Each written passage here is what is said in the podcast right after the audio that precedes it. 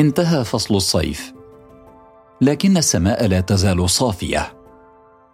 إن ابتعدت قليلا عن أضواء المدينة وذهبت إلى حيث يخفت الضوء الاصطناعي أو ينعدم فإن السماء أمام ناظريك لوحة مزدانة بنجوم. سيزداد المشهد بريقا حين يشق السماء أحد أذرع مجرتنا مجرة درب التبانة. وكأن ذلك الذراع بكثافة نجومه وتنوع ألوانها. طريق سماوي يتلألأ. بالعين المجردة يمكنك أن ترى حتى خمسة آلاف نجمة. لكن باستخدام تلسكوبات مثل هابل سبيتسر وأخيرا جيمس ويب نستطيع أن نرى آلاف المجرات وفي أزمنة ساحقة. صوره الحقل العميق من جيمس ويب خير مثال على ذلك. Today is a historic day. Six and a half months ago, a rocket launched from Earth carrying the world's newest, most powerful deep space telescope on a journey one million miles into the cosmos. It's a new window into the history of our universe. And today we're going to get a glimpse of the first light to shine through that window. Light from other worlds, orbiting stars far beyond our own. Light from the oldest galaxies, the oldest documented light in the history of the universe from over 13 billion years ago. هذا صوت الرئيس الأمريكي جو بايدن يعلن عن الصورة الأولى لتلسكوب جيمس ويب عرض كوني مبهر لكنه لفترة محدودة فالنجوم تختفي تبتعد إلى حيث لا يمكن الوصول إليها ابدا حتى صورتها الضوء الذي يصلنا منها سيتلاشى يوما ما في المستقبل. في هذا البودكاست أحاول أنا وزميلي محمود الشعراوي الذي أعد وأخرج هذه الحلقة أن نستكشف ذلك الفصل البعيد من حياة الكون وأن نبحث عن إجابة لسؤال لماذا تختفي النجوم؟ أين تذهب؟ وكيف يمكن لتلسكوب مثل جيمس ويب أن يغير من فهمنا للكون ونشأته. قبل أن تختفي النجوم. هذه حلقة جديدة من بودكاست فصول. أنا أحمد خير الدين معا نروي فصول الحكاية. أهلا شعراوي. أهلا خير مرحبا. زرت مقر ناسا في ولاية ماريلاند مؤخرا؟ فعلا كانت زيارة رائعة. مقر ناسا في ميريلاند بالمناسبة يبعد عن العاصمة الأمريكية حوالي ساعة تقريبا بالسيارة Welcome to NASA's Goddard Space Flight Center in Greenbelt, Maryland, home to the nation's largest organization of scientists, engineers, and technologists. Our work encompasses the core disciplines of earth science, planetary science, heliophysics, which is the study of sun and space weather, and astrophysics, which covers the whole cosmos. احكي لي عن مشاهداتك في هذه الزياره هذا المركز خير يهتم بعلوم الأرض والكواكب دراسة الشمس الطقس والفضاء وغير ذلك. لكن الأهم أنه في ذلك المركز تم بشكل كبير تطوير تلسكوب جيمس ويب. أنا متحمس جدا لأن نبدأ معا رحلة الاستكشاف لماذا تختفي النجوم؟ وإن كنا سنؤجل الحديث عن ذلك إلى أن نتحدث عن جيمس ويب. وأنا أيضا متحمس جدا لكن ما أود مشاركته معك خير في هذه الحلقة؟ هو الشغف بهذا العالم الساحر أكثر من المعلومات. الإنترنت مليء بالمعلومات المثيرة عن الفضاء وخصوصا بعد أن أحيا تلسكوب جيمس ويب والصور التي التقطها الاهتمام الواسع بالفضاء من جديد. أعتقد أن ذلك التلسكوب تكلف تطويره عشرة مليارات دولار؟ ليس ذلك فحسب ولكن تطويره استغرق عشرات السنوات. ربما يكون ذلك معتادا في ذلك النوع من المشروعات العملاقة مثل جيمس ويب. في الحقيقة تأخر إطلاقه 14 عاما. دعنا نأخذ الأمور على مهل. لماذا نحتاج إلى تلسكوب من هذا النوع؟ بل لماذا نحتاج تلسكوبات في الأصل؟ حسنا منذ زمن ابن الهيثم ونحن نعلم أننا نرى الأشياء عن طريق أن الضوء يسقط عليها ثم تنعكس فوتونات الضوء حاملة تفاصيل ذلك الشيء. يعني فوتونات تحمل تفاصيل الصورة تصل إلى العين ثم إلى المخ فنرى. في حالة ما إذا كنا نريد أن نرى شيئا بعيدا كالنجوم مثلا فإن الفوتونات في هذه الحالة لديها طريق طويلة للغاية حتى تصل إلينا وقد تتوه أو تتشتت. لذلك نحتاج إلى تلسكوب لتجميع أكبر قدر من تلك الفوتونات وبالتالي نستطيع أن نرى بشكل أفضل.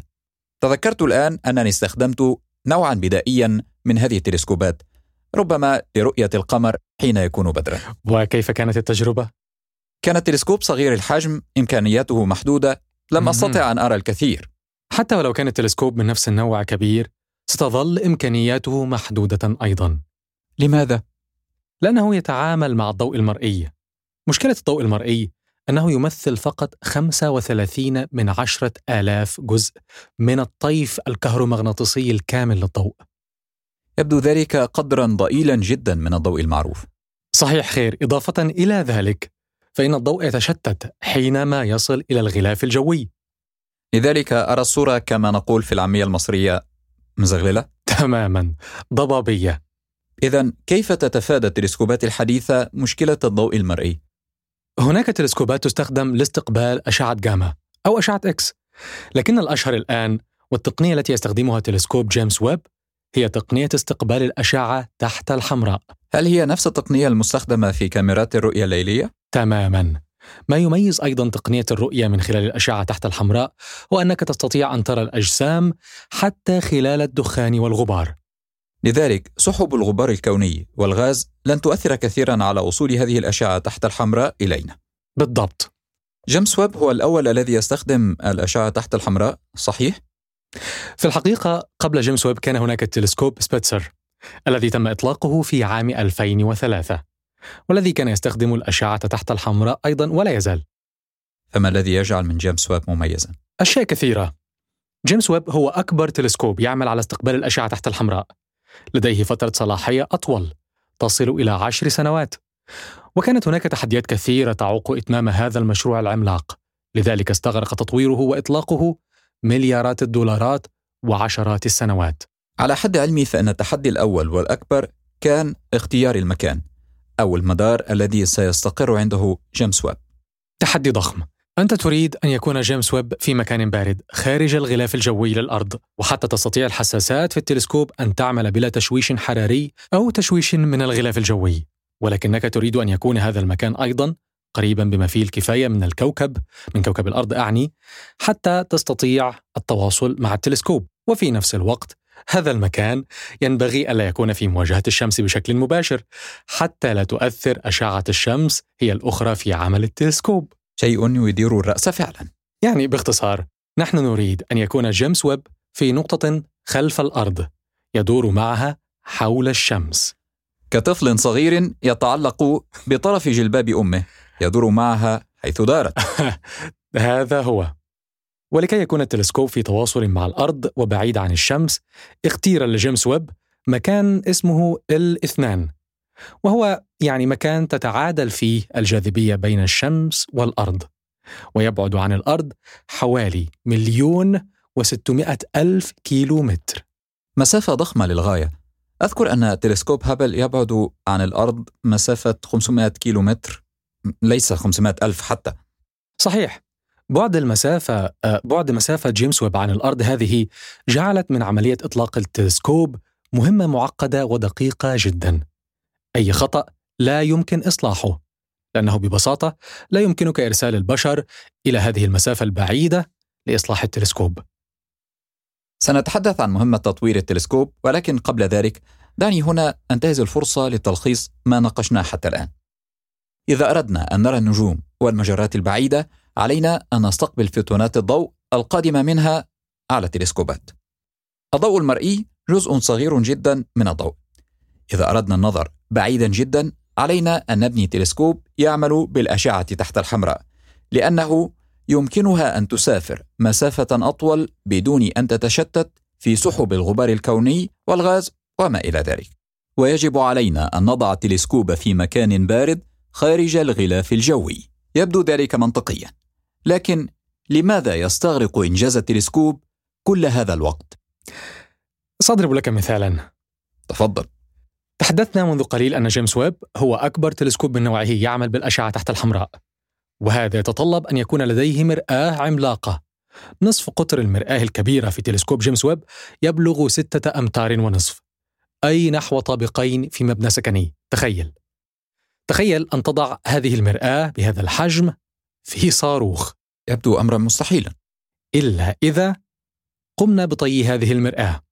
ولذلك تم بناء هذه المرآة يا خير على شكل خلية نحل تتكون من أشكال سداسية منفصلة. يمكن طيها على بعضها فيسهل وضعها داخل الصاروخ. هذه المرآة أيضا لتكون عاكسة لأكبر قدر من الضوء تم طلاؤها بالذهب. ولكن الذهب معدن ثقيل. لذلك طبقت تكنولوجيا حديثة تسمح باستخدام أقل قدر من الذهب. يكفي فقط أن تعرف أن الذهب المستخدم لطلاء كامل المرآة هو 48 جراما فقط لا غير. تلسكوب بمثل هذا التعقيد كيف يمكن أن يوضع في صاروخ ينطلق من الأرض إلى الفضاء مع ما يصاحب ذلك من اهتزازات نتيجة احتراق الوقود والخروج من الغلاف الجوي وما إلى ذلك؟ اختبر التلسكوب طويلا على هزاز شيكر. لكي يكون مؤكدا أن شيئا ما خطأ لن يحدث ابدا في هذه الرحلة. والمخاطر لا تتوقف هنا خير. ولكن أيضا حين يبلغ التلسكوب مرحلة فتح الدرع الذي يحميه من أشعة الشمس وغيرها من الإشعاعات وهذا الدرع بالمناسبة بحجم ملعب تنس. يمكن أن تحدث أخطاء في فتح هذا الدرع عند عشرات النقاط المختلفة. ايا منها كفيل بأن يفشل عملية الفرد فهو أمر ليس بالسهل ابدا. والأخطاء واردة في أمور أبسط من ذلك. بالفعل ولذلك استغرق الأمر سنوات طويلة جدا لكي يكون كل من شارك في صنع هذا التلسكوب مطمئنا إلى أن الأمور ستسير على ما يرام حينما تحين لحظة الإطلاق. لكن لماذا ننفق كل هذه المليارات والسنوات على تلسكوبات بالغة التعقيد لسبر اغوار الفضاء؟ هناك إجابات كثيرة على هذا السؤال، بعضها يتعلق بتطوير التكنولوجيا. كثير من التكنولوجيات التي نستخدمها اليوم تم تطويرها بغرض اكتشاف الفضاء أو تم تطويرها بناء على نظريات وضعت لفهم الفضاء كال GPS مثلا لكن هناك إجابة. أجدها مثيرة للاهتمام أكثر من أي شيء. ما هي؟ النجوم تختفي. المجرات التي نراها في السماء تغادرنا إلى حيث لا يمكننا اللحاق بها. بل إن أكثر من 95% من الكون الذي نراه غادرنا بالفعل إلى حيث لا يمكننا الوصول إليه. حتى ولو كانت لدينا مركبة تسير بسرعة الضوء وفي أعمارنا ملايين السنوات. إذا كان ما تقوله صحيحا فما الذي نراه الآن؟ نحن نرى صورة هذه المجرات في الماضي فهي بعيدة جدا ملايين السنين الضوئية وربما أكثر من ذلك. فالضوء الذي يصل إلينا الآن هو قادم من ملايين السنين. يعني أننا نشاهد تسجيلا لمشهد كوني قديم؟ تسجيل قديم جدا. لكن لماذا تغادر النجوم؟ إلى أين؟ أشعر أنني لم أحصل على إجابة وافيه مما قلت. لنعد إلى البداية إلى وقت الانفجار العظيم. حينما كان الكون ضئيلا جدا كان في هذا الكون الصغير للغاية أجزاء بها كثافة عالية وأجزاء أخرى كثافتها أقل. لنقل باختصار مخل أن كان هناك في الكون مناطق مليئة بالمادة ومناطق فارغة. حين تمدد الكون أصبحت هذه المناطق عالية الكثافة هي المجرات والمناطق قليلة الكثافة هي الفراغ. يعني ذلك أن الكون لا تتوزع فيه المجرات بالتساوي. هناك مناطق بها تجمع للمجرات ومناطق أخرى خالية من هذه المجرات. يعني على سبيل المثال خير أين موقعنا من الكون؟ ما هي مجرتنا؟ مجرة درب اللبانة أو التبانة؟ عظيم. مجرة درب اللبانة ومجرة أندروميدا المجاورة لنا ومجموعة من المجرات القزمة الصغيرة تكون مجموعة محلية. حول هذه المجموعة المحلية من المجرات فراغ. وكذلك الأمر بالنسبة لمعظم التجمعات المحلية للمجرات في الكون. كأنها جزر في محيط. كأنها جزر كونية تماما. هذه الجزر الكونية لأنها ليست قريبة من بعضها البعض وليس بينها روابط جاذبية فبالتالي تترك بعضها بعضا تبتعد عن بعضها البعض. أضف إلى ذلك أن هناك شيئا يسمى بال dark energy الطاقة المظلمة وهي تساهم في تمدد الكون بهذه الطريقة وفي ابتعاد مجموعات المجرات عن بعضها البعض. إلى أي حد تبتعد وإلى أين؟ تبتعد إلى ما يسمى بال cosmic horizon الأفق الكوني. بمعنى أنها تبتعد بمسافة كبيرة جدا حتى سرعة الضوء. لا تستطيع أن تلحق بهذه المجرات التي ابتعدت. 95% من الكون. الذي نراه الآن.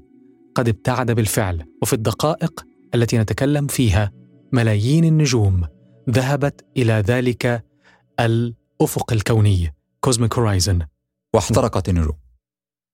اختفت. لا لن نقول احترقت ولكنها اختفت. ستصبح بعيدة عنا.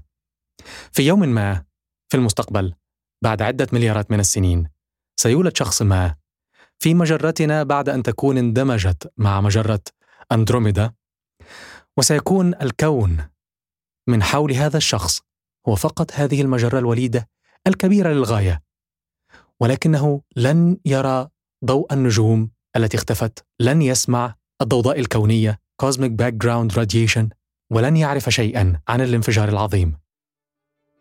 من المدهش محمود أننا حين ننظر إلى هذا الكون الفسيح ندرك أن حجمنا ضئيل للغاية. مع ذلك نحاول وبثبات منذ وقت طويل أن نفهم ونحتوي هذا الكون بعقولنا. شيء مبهر. بكل تأكيد ربما يساعدنا النظر وتأمل هذا الكون الواسع على الخروج من الضيق القلق الحروب النزاعات. فكل شيء يتضاءل أمام ذلك الفضاء المهيب. محمود هل تود السفر إلى الفضاء؟ ربما يعتمد ذلك على تأشيرة مجرة أندروميدا. وأنت أحمد. قديما تاثرا بفيلم عودة الابن الضال كنت أود دراسة جيولوجيا القمر مثل فاروق الباز لكن الآن أصبحت مهتم أكثر بفهم الأرض. اذا سأرسل لك تحياتي من الفضاء. وبين السماء والأرض وصلنا إلى نهاية هذا الموسم. نلقاكم على خير بعد أسبوعين. أنا أحمد خير الدين. وأنا محمود الشعراوي. دمتم في صحة وعافية. دمتم في صحة وسلام.